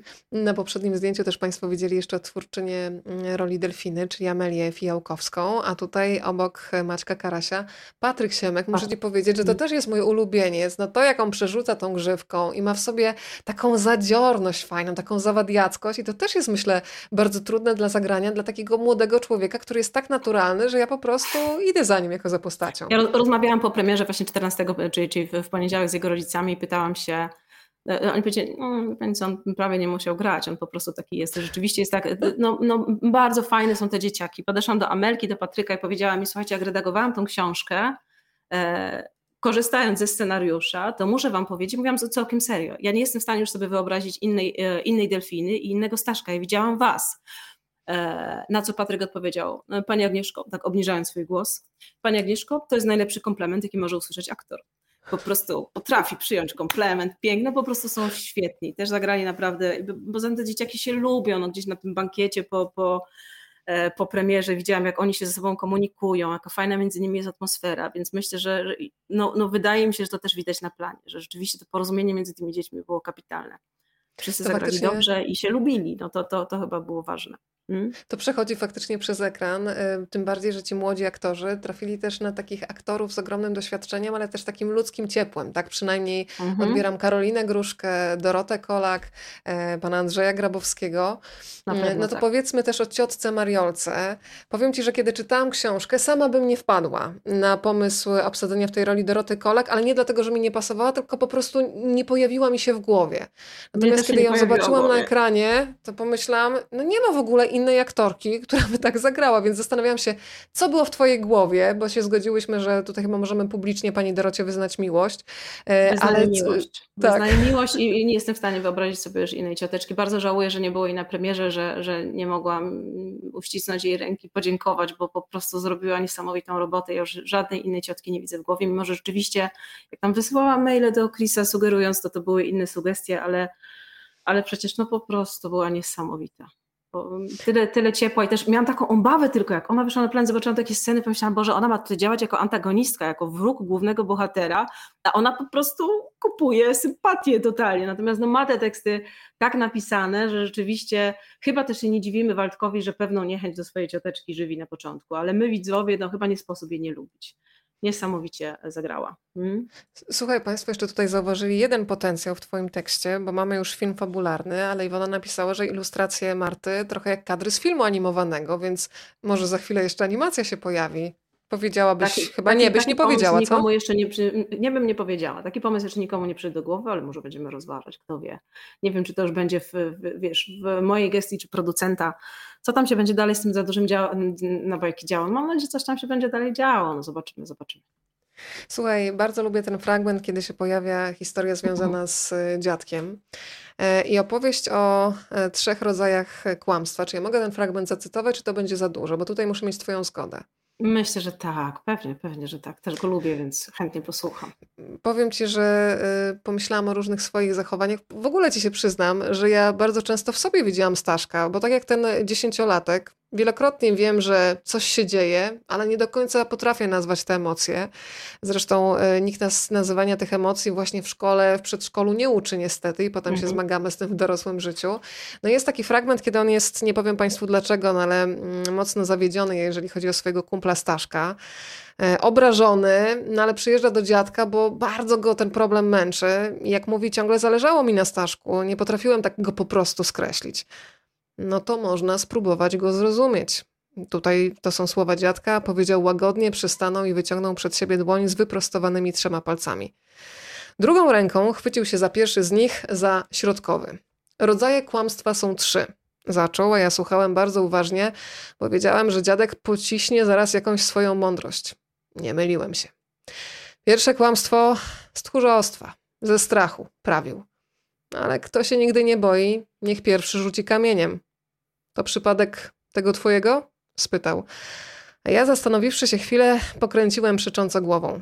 Nie, to nie było Staszku. Z głupoty. To drugie. Ciągnął więc dziadek i trzymał już drugi wskazujący paluch. Jak kłamie z głupoty, to można głupola wytłumaczyć, bo co winny ma to zmatolony? To ten twój? Nie byłem pewny, ale to akurat chyba trochę pasowało do Staszka. Potwierdziłem więc kiwnięciem głową, a dziadek ruszył dalej. Skrzypienie było słychać już naprawdę blisko. Zaczęliśmy się więc skradać w jego kierunku, ale ja chciałem poznać tę dziadkową mądrość do końca. A trzeci rodzaj kłamstwa? spytałem szeptem. Najtrudniejszy. Z miłości, odpowiedział dziadek z bardzo poważną miną. Kłamiącego boli najbardziej. Trzeba się kierować sercem. To się dobrze wybiera. Kłamać czy nie. Nawet się nie obejrzysz, jak skła sam skłamiesz, Waldeczku. I no ty się kieruj sercem. Zawsze sercem. Poradził mi na koniec i odsłonił ostatnie gałęzie oddzielające nas od dziwnych dźwięków. O co chodziło z dziwnymi dźwiękami Państwu nie powiem, ale zdecydowanie ta historia z kłamstwami bardzo mocno zostaje w człowieku. E, Agnieszka, czy ty masz jakieś takie właśnie wspomnienia z dzieciństwa, związane z dziadkiem, ale też z różnymi ludźmi, którzy czasami się pojawiają w naszym życiu, nie wiem, przez chwilę, jako nauczyciele, jako znajomi nawet naszych rodziców? I takie zdania, które zostały w tobie, i mimo że wypowiedziane, nie wiem, lata świetlne temu, to cały czas gdzieś w tobie siedzą i pomagają trochę ustawić taki wewnętrzny kompas. Odpowiedź moja chyba będzie trochę rozczarowująca, bo zupełnie nie, wiesz, po prostu ja jestem bardzo późnym dzieckiem swoich rodziców i dziadków ledwie pamiętam, niestety odeszli szybko, jak byłam e, małą, młodą dziewczynką. Nie przypominam sobie, żeby którakolwiek z nich opowiadała, jak opowiadały jakieś historie okołowojenne, natomiast żeby to było takie, jak, jak powiedział Waldek, pociskanie prawd, nie było niczego takiego. I nie miałam, nie, ja właściwie to, to myślę sobie, że, że fajnie mieć taką osobę i że, że nie wiem, czy tutaj nie, to, to, po prostu nie pofantazjowałam sobie, jakby to było, jakby obok mnie w którymś momencie mojego życia, jednym, drugim, kolejnym, była taka osoba, która prawi takie mądrości, takie morały. Można sobie je wziąć do serca, przemyśleć, można je zupełnie zignorować, ale dobrze jest je mieć. I ja takich praw szukałam, nie wiem, w książkach, w filmach potem od przyjaciół, ale mm, dziadków, y, dziadków czy rodziców, którzy opowiadaliby mi takie prawdy, no, no nie, nie miałam. To nie jest moja po, historia. A powiedz mi, jak jest z Tobą, bo przy okazji książek zawsze też staram się, żebyśmy trochę więcej poznali e, autorki i autorów. E, ciotka Mariolka mm, ma takie zdanie: robić coś trzeba, a nie nic nie robić. I chodzi o tę sytuację, żeby się nie zajmować smutkowaniem ani tęsknotami, tylko na ile to możliwe, przynajmniej przez chwilę wyrzucić z głowy no, takie rzeczy, które na daną chwilę są nie do udźwignięcia. Więc czy mhm. Ty jesteś takim typem, który właśnie musi rozchodzić, wysprzątać, żeby po prostu nie zapadać się w taką głębię, jeżeli chodzi o, wiesz, myśli, które potrafią rozkminiać, rozkminiać i jesteśmy coraz głębiej w tym bagnie. Hmm, akurat nie wiem, czy taka w sprzątaniu jestem mocna, czy, czy, to, czy to jest to, ale rzeczywiście e, jakoś taką e, myśl, myślę, że rzeczywiście dynamiką, jakimś ruchem pewne stresy rozładowuje. To, to, to chyba też w, w, w, tak, no. Chyba, chyba, chyba też tak trochę jak ciotka, jak ciotka mam, że próbuję e, jakiś natłok myśli, problemów e, czasem przygasić działaniem. Ale, ale myślę, że przy tym wszystkim chyba trochę jednak bardziej refleksyjną jestem osobą, która e, śmielej, no tak sobie myślę, że zastanawiam się, że ta ciotka nie miała takie ucieczkowe, że to, że to też nie jest ucieczkowe zachowanie. Z jednej strony bardzo fajnie, nie, nie, skupiać się, nie zamartwiać, no po prostu robić, robić cały czas, ale z drugiej strony czasem są, są takie sytuacje, że warto się no, zderzyć z rzeczywistością, przemyśleć ją, przeboleć, przyjąć, potrwać w niej chwilę. No chyba, chyba trochę bardziej w tym kierunku jestem niż ta ciocia jednak mimo wszystko. Pani Justyna napisała, dopiero dziś dowiedziałam się o książce z wcześniejszych zapowiedzi. Mhm. Zwiastun filmowy widzieliśmy rodzinnie, film filmem, ale książka zapowiada się kozacko. Bardzo się cieszę.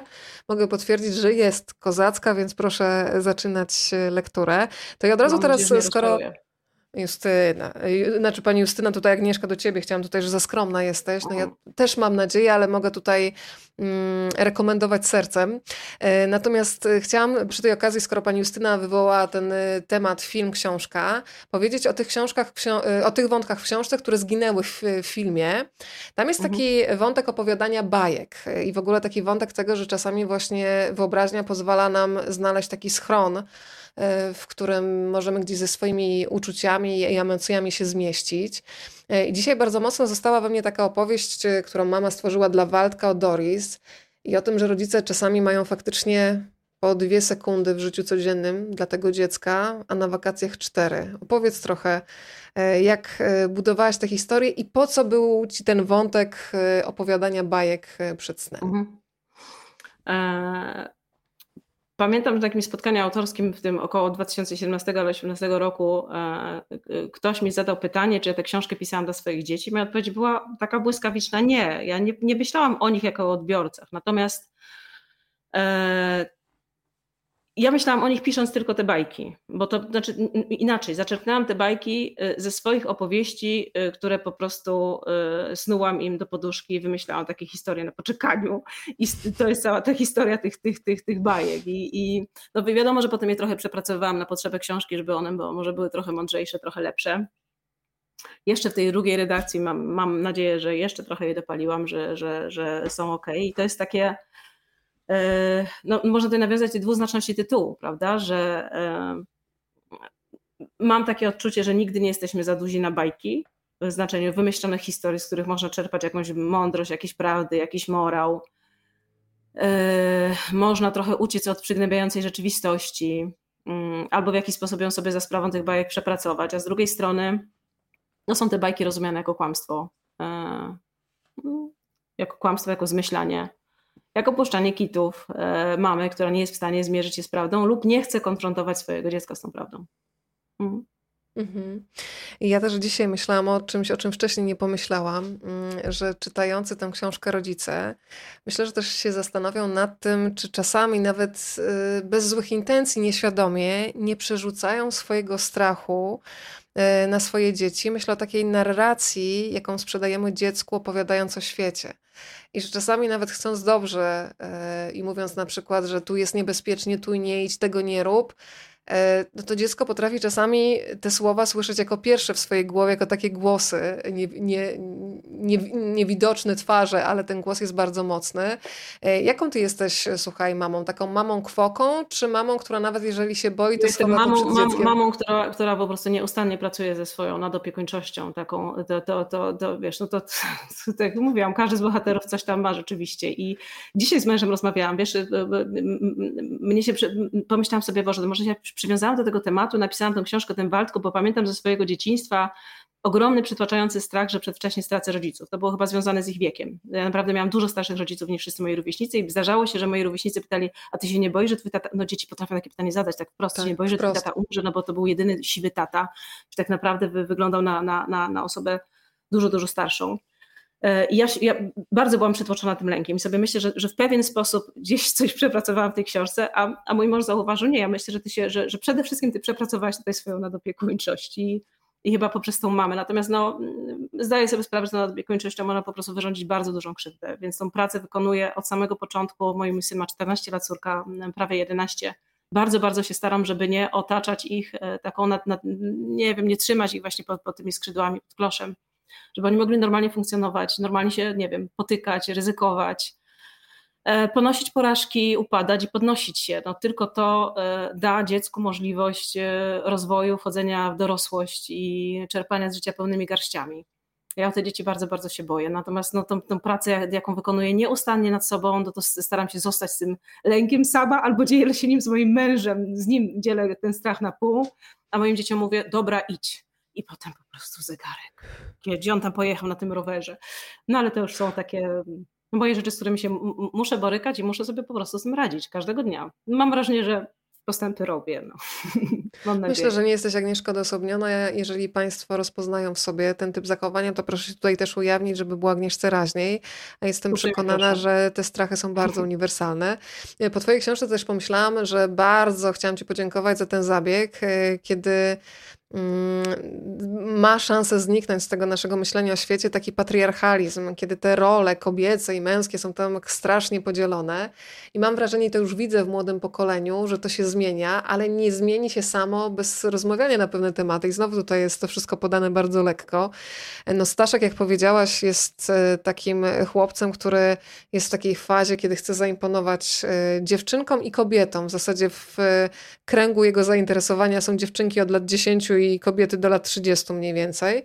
E, I czasami wyrywają mu się takie komentarze z ust jak ale lalunie, powiedziało się Staszkowi. Samo mu się jakby powiedziało, jakby trochę za głośno, bo jakiś problem młody, warknęła jedna z dziewczyn i spojrzała na Staszka z wyzywającą miną. Myślałem, że zaraz do niego doskoczy i przyfasoli mu w nos albo swoim wyszczekanym, albo swoim wyszczekanym groźnym chihuahą go poszczuje. Poważnie, naprawdę nieźle się wkurzyła. Staszek, że się przestraszył, w odpowiedzi pokręcił tylko przecząco głową, więc dziewczyna odpuściła i ruszyła dalej z koleżanką oraz dwoma pieskami. Jakby trochę agresywna. Zagadał do mnie cicho, upewniwszy się, czy panny są już na tyle daleko, że go na pewno nie usłyszą. Mm, nie, e. Ty trochę palant? Zgasiłem go, no bo ewidentnie przegiął. Nie można tak do dziewczyn, co nie? No i mam nadzieję, że tutaj chłopcy, którzy być może w swoich szkolnych rozgrywkach y, tego, teksty, tego typu teksty mają na bieżąco, nagle nastąpi taki moment autorefleksji, że niekoniecznie. Bardzo też podobają mi się chłopcy w kuchni przygotowujący y, szarlotkę. No i też ten wątek, o którym warto pogadać, o którym, mm, który jest bliski nie tylko dzieciom, ale też dorosłym, czyli wątek regulowania swoich emocji poprzez jedzenie. E, I tutaj e, też to jest chyba temat do rozmowy z wieloma dziećmi, ale też z rodzicami, e, bo my czasami, jak człowiek zacznie właśnie psychologicznie się nad tym zastanawiać, no czasami jesteśmy uczeni, że nagroda to jest coś słodkiego, a nagrodą może mhm. być na przykład, nie wiem, wyjście, obecność z rodzicami gdzieś, prawda? Jak ty ten temat zażerania mhm. stresu układałaś? E, to raz zażarzanie stresu, a dwa taka, no w tym względzie chyba lekkomyślność może mamy i taka, tak jak mówiłam, chęć kompensowania temu chłopcu pewnie braków, które według niej e, mógł mieć i takie rozpędzenie się w tym, żeby on miał wszystko, czego pragnie. E, no, no właśnie, to jest to poruszanie tematu otyłości i, i, i i tego, czy e, jak bardzo my dorośli jesteśmy, znaczy ja, ten, ja, tego tematu dotykam, ale też mam wrażenie, że tam nie ma takiego, mam nadzieję też taką wielką, że tam nie ma takiego edukacyjnego, bardzo mocno nachalnego prowadzenia bohaterów, pouczania, jak to powinno wyglądać. Ciotka nie, nie, ja tylko mówię, wiesz, z punktu widzenia dorosłego tak, tak. czytelnika, tak, mhm. ale to dla dzieci jest po prostu wejście w historię w ogóle niezauważane, to nie ma w ogóle takiego, Właśnie, to są takie wątki, których ja, które ja chyba świadomie dotykałam, po to, żeby można było sobie o nich potem pogadać, wyciągnąć odpowiednie wnioski i ewentualnie przepracować na tej linii dziecko-dziecko albo dziecko-rodzic, dziecko-nauczyciel e, i te no, prawdy są pociskane przez dziadka, coś tam mądrego powie ciocia o tym strachu, e, a inne tematy są dotknięte w taki sposób, żeby rzeczywiście dziecko samo sobie wyczuło, gdzie jest przekroczenie albo jakiejś granicy, typu właśnie ten tekst taki nie, nie, niefrasobliwy o foczkach, o panienkach, e, ale lalunie, bo ten Staszek rzeczywiście przekracza pewne granice i te teksty ma takie mocno niewyważone, ale wierzę w to, że dzieci to po prostu wyczują. Jeśli nie zrobią tego za sprawą Waldka, który jest w pewnej kontrze, no to, to, to, to same zrozumie, to, to, to zrozumiałem to za sprawą reakcji dziewczyn na przykład. No i to samo dotyczy też, też te, te wątku mm, zajadania, no, czy, czy ja mam takie wrażenie, że my wszyscy jesteśmy mm, dorośli odpowiedzialni za Wiesz, jak, jak to ująć? No z jednej strony widzisz, ja podpisuję się e, obiema rękami pod, pod e, ruchem Body Positive, który mówi, wszyscy jesteśmy piękni, niezależnie od tego, czy jesteśmy grubi, chudzi, mamy, kochajmy swoje ciała. To jest taki ruch, który mówi, jeśli ja nie proszę cię o komentarz dotyczący mojego wyglądu, to proszę daruj go sobie. I to wszystko się zgadza, ale ta sytuacja troszeczkę, nie wiem czy inaczej, nie, nie, jest na jakimś drugim biegunie, ale nie jest w kontrze. To jest ta sytuacja e, e, dotycząca nadwagi wśród dzieci. 30% dzieci w Polsce ma nadwagę. Niedawno sprawdziłam 13% chłopców to są w Polsce, to są chłopcy otyli. I teraz tak sobie myślę, że my dorośli jesteśmy trochę za ten stan, trochę, na pewno jesteśmy odpowiedzialni za ten stan rzeczy. Jestem ostatnią osobą, która zwrócałaby winę bezpośrednio na rodziców. Ja mam na myśli y, to, że serwujemy naszym dzieciom, w ogóle wszystkim, dostęp do zdrowe, niezdrowego, kalorycznego, przetworzone, przetworzonej, ży, przetworzonej żywności. żywności. Tak. chyba nie doceniamy zajęć, lekcji WF-u i w ogóle uprawiania sportów. No i, no i no, no, no i, no i właśnie, ja dotykam tylko tema, te, te, tego tematu, żeby można było ewentualnie otworzyć tę furtkę i pogadać sobie z dzieckiem, e, poruszyć taki temat w szkole, nauczycieli z nauczycielami, może rodziców z, z rodzicami rozmawiajmy o tym i, i nie zamiatajmy tego tematu pod dywan. No gdzieś przeczytałam taki komentarz, który mnie mm, bardzo zdenerwował gdzieś w sieci, nie wiem, czy, czy na Filmwebie pojawił, czy ktoś, ktoś nie obejrzał filmu, to już dawno temu to, to się pojawiło, więc to, to musiało być na podstawie, że, że to jest chyba film, który będzie fat-shamingował graczy komputerowych. No co za absurd po prostu. Mamy obsadzonego w roli głównej fantastycznego chłopaka. To jest, to jest y, i, i, I, mam wrażenie, że ta postać też jest napisana na, na, na, takiego chłopca, który ma, ma tyle zalet, że po prostu ta, ta waga gdzieś tam zupełnie znika w tle. Żeby nie fatshamingować, to co mamy nie pokazywać ludzi, którzy są grubsi, którzy wyglądają, mamy za każdym razem obsadzać, nie wiem, wymyślać bohaterów tych, tych grubszych, tęższych e, w rolach drugoplanowych, takich fajnych kumpli, e, głównego bohatera, który. To jest, jest właśnie y, wykluczenie, prawda? No właśnie, to, to jest. Że nie możesz zobaczyć siebie na ekranie. No, mhm. no, więc właśnie, po prostu pokażę bohaterów różnych, bo ludzie są różni i. I teraz no, no, no, można dotknąć tego tematu z jakąś uważnością. Mam nadzieję, że jakoś to się udało. Jeśli przekraczam jakieś granice, to że to też będzie dobrym otwarciem do, do, do rozmów. To e, porozmawiajmy jeszcze, słuchaj, Agnieszka, o takim wątku, który w filmie nie jest tak widoczny, chociaż oczywiście pomiędzy wierszami czuły odbiorca też zobaczy, że no ten nasz bohater y, jest sam z mamą, więc musi być jakaś przyczyna, dlaczego on jest wychowywany tylko przez mamę. Natomiast w książce, czytając po raz drugi, zwróciłam na to uwagę, że faktycznie ten wątek też jest poszerzony Mhm. Mm, I jak tutaj podeszłaś do tematu, bo to też jest takie nowe, że rozmawiamy wprost o takich rzeczach, kiedy no, czasami właśnie tworzymy różne bajki na temat tego drugiego rodzica z takim przekonaniem, że no, chcemy dobrze i chronimy, tylko w pewnym momencie pewne rzeczy się dziecku nie zgadzają, no bo ono czuje co innego, a co innego e, odbiera, że na przykład tato jest świetny, zainteresowany, tylko że no, on nie zna tego zainteresowania, więc o co chodzi? Zainteresowana. Tak. O co chodzi po prostu? Dysonans, chyba to jest zupełnie potrzebne tworzenie tego rodzaju bajek, ale no to może być trudne, jak dziecko jest jeszcze dzieckiem rzeczywiście. Jak wchodzisz w dorosłość, Waldek zaczyna być prawie nastolatkiem i jemu się ewidentnie pewne rzeczy nie zgadzają, no to wydawałoby się, że dobrze by było, żeby mama rzeczywiście szczerze z nim porozmawiała. No ten wątek jest też tak poruszony przeze mnie dość delikatnie, bo pomyślałam sobie, że to e, no całkiem sporo rodzin w Polsce wygląda tak, że tylko jeden rodzic wychowuje dziecko. I teraz nie chciałam tej sytuacji jakoś tak bardzo intensywnie rysować i tłumaczyć, dlaczego tego taty nie ma. Ktoś mnie o to pytał właśnie, czy tata, czy tata zmarł, czy tata czy, czy doszło do jakiegoś rozstania. No w książce to jest, to jest mniej więcej tam coś jest powiedziane, w filmie nie bardzo to jest poprowadzone. Nie było już miejsca rzeczywiście. To jest ten jeden z wątków, który, który, e, z którego trzeba było trochę zrezygnować. Ale nie prowadziłam tego tematu jakoś tak bardzo intensywnie, żeby dzieci, które są w takiej sytuacji, że są wychowywane przez e, jednego rodzica, mogły po prostu się utożsamić z tą sytuacją, z tą, z tą, sytuacją, że jest tylko mama albo jest tylko tata, już niezależnie od tego, dlaczego tego taty czy tej mamy nie ma. Ale to jest kolejny temat, na który rodzic, który wychowuje samotne dziecko, no pewnie w którymś momencie, no, to jest kolejny temat, o którym, o, o którym warto porozmawiać ze swoim dzieckiem. Pewnie, pewnie szczerze, pewnie coraz bardziej otwarcie, że sytuacje są różne, ale ja naprawdę nie jestem takim ekspertem od tego rodzaju porad, bo, bo nie wiem, no ja mam wrażenie, że my, że my wszyscy nie wiemy, jak takie, takie rozmowy, takie tematy podejmować, jak, jak rozmawiać w taki sposób, żeby to było rzeczywiście wartościowe, mądre, pchało młodego do człowieka do przodu, dodawało mu odwagi, a nie zasmucało, albo jeżeli zasmucało, to, to w taki sposób, żeby pomóc mu przejść przez ten smutek. Nie wiem, jakie są, są tutaj gotowe, dobre rozmowy. Poszłam za młodym bohaterem, który ma wątpliwości, który czemuś nie wierzy, który chce się dowiedzieć, a jednocześnie trochę boi się prawdy. I temu lękowi się przyglądam.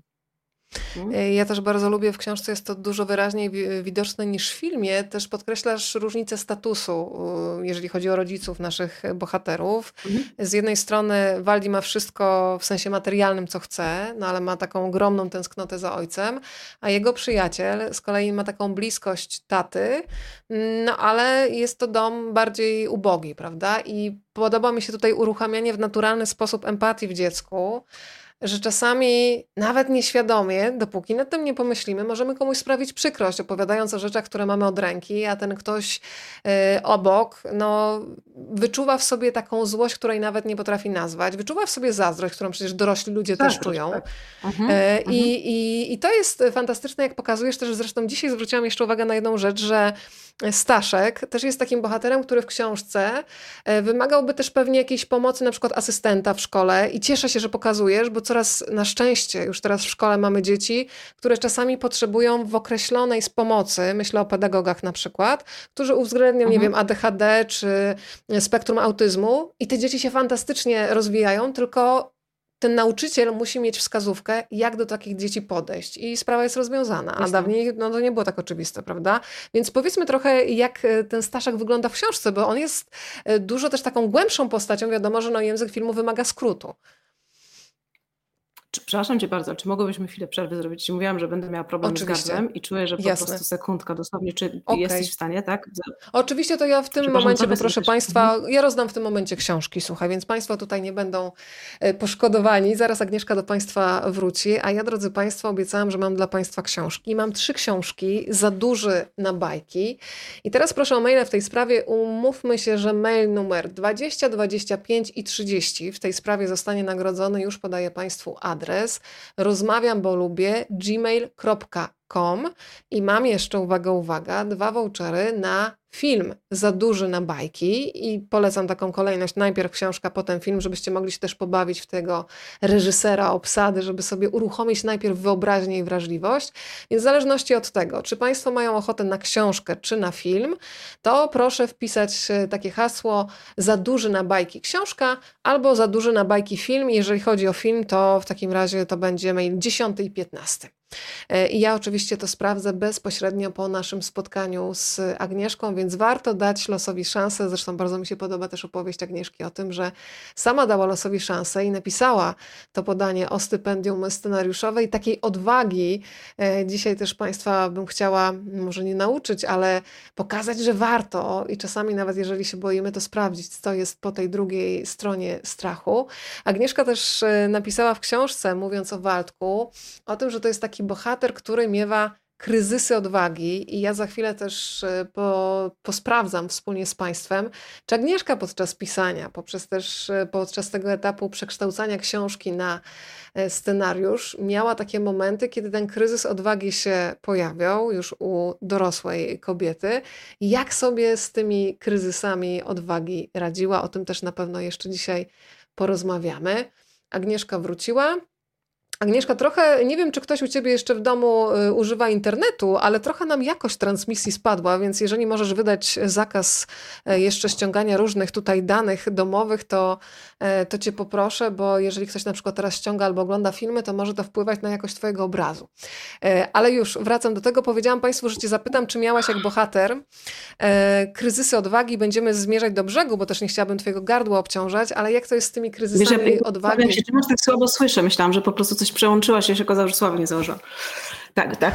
Musimy chyba zmierzać do brzegu, bo widzisz, że to już po prostu zmęczenie mnie do, dopada. Ale na czymś To ostatnie pytanie o kryzys odwagi.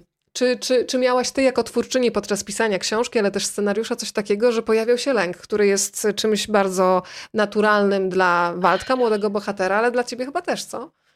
Kryzys odwagi, co napisać, czego nie napisać, czy to wyjdzie, czy ruszy, czy to ma sens. Oczywiście, że takie, takie, takie myśli miałam. No, ruszyłam dynamicznie, tak, tak na lekko, właśnie z, z, zaczęłam sobie pisać tę książkę, potem rozwijałam scenariusz, ale w trakcie pisania i jednego, i drugiego, oczywiście, że miałam wątpliwości i oczywiście zastanawiałam się nad odpowiedzialnością tego, że zwracam się do dziecka, bo do, do, do, widza, do, do, do widza, do czytelnika można sobie, dorosłego można sobie napisać, co się chce i w zasadzie to może sobie tę książkę odłożyć, może sobie takiego filmu nie obejrzeć, weźmie sobie co chce, a, a tutaj myślałam, jeśli wtłoczę coś niewłaściwego, jeżeli ten przekaz będzie niedobry, jeżeli ja, e, no choćby ten fat shaming właśnie po prostu, że tak. oczywiście, że miałam taką lampkę zapaloną w głowie, żeby, żeby zrobić to po prostu sensownie, dobrze i żeby pewnie, że miałam takie wątpliwości i takie wątpliwości też takiej natury twórczej, no to, to, to z tego co słyszę to bardzo wiele, czytałam gdzieś, Boże, żeby nie było się zestawiam teraz z Jerzym Andrzejewskim na tej samej półce, bo niestety w życiu nigdy nie, ale czytałam w jakimś wstępie do jego, do,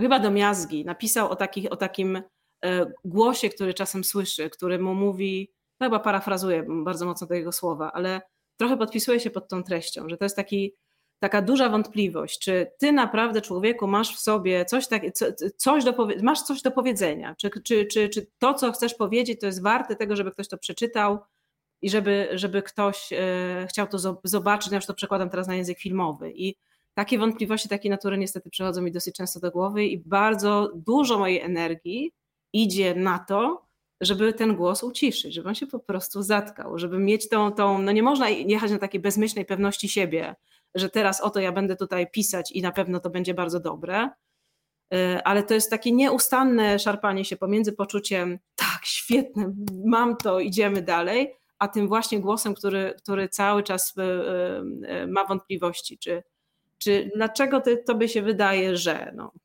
no tak to po prostu jest. Ale jeszcze coś o Staszku mówiłeś mi, ja chciałabym tam skończyć, o, o, o to dotknęłaś, tak, tak. jak ty to powiedziałaś o Staszku? Aha, o takim chłopcu, że to, że to jest chłopiec z, z pewnymi potrzebami, prawda? Że, tak. że to jest chłopiec, który trochę sobie w szkole nie radzi. Ja myślę, że tam ani w książce, ani w, de facto w filmie nie ma tego tematu tak pociągniętego, że tam rzeczywiście dostaje jakieś solidne, porządne wsparcie ze strony nauczycieli, sygnał. ale on nie, mhm. tak, być może sygnał tylko. On dostaje wsparcie i akceptację od swojego kolegi i ja myślę, że to jest taka bardzo duża wartość, że na tym poziomie też się ludzie różnią i może być tak, no Waldek mówi o sobie, że ja jestem mamin synkiem i i on musi to zaakceptować i akceptuje we mnie, a ja akceptuję to w Staszku, że on ma durne pomysły i po prostu y, strzeli mu coś do głowy, on to po prostu robi, no. Gdzieś wyrzuci plecak przez okno i on leci i, i takie ma zachowania ten, ten, ten chłopak i oni wzajemnie się lubią, akceptują, tacy są, to, to, to myślę, że też potem Waldek też, no to jest takie ciekawe, że Waldek jest w stanie, takie ciekawe, tak opowiadam po prostu o tej książce, jakby nie była moja, ale to już jest po prostu gdzieś... No taka jest prawda, już tutaj nie bądź taka skromna. Obok ona po prostu gdzieś się ode mnie odszczepiła i tak sobie myślę, że dlaczego ten bohater Waldek ma taką łatwość w akceptowaniu różnych dziwnych e, zachowań Staszka, tego, że ten chłopak no nie bardzo tak, nie bardzo umie się przyjaźnić na początku, prawda?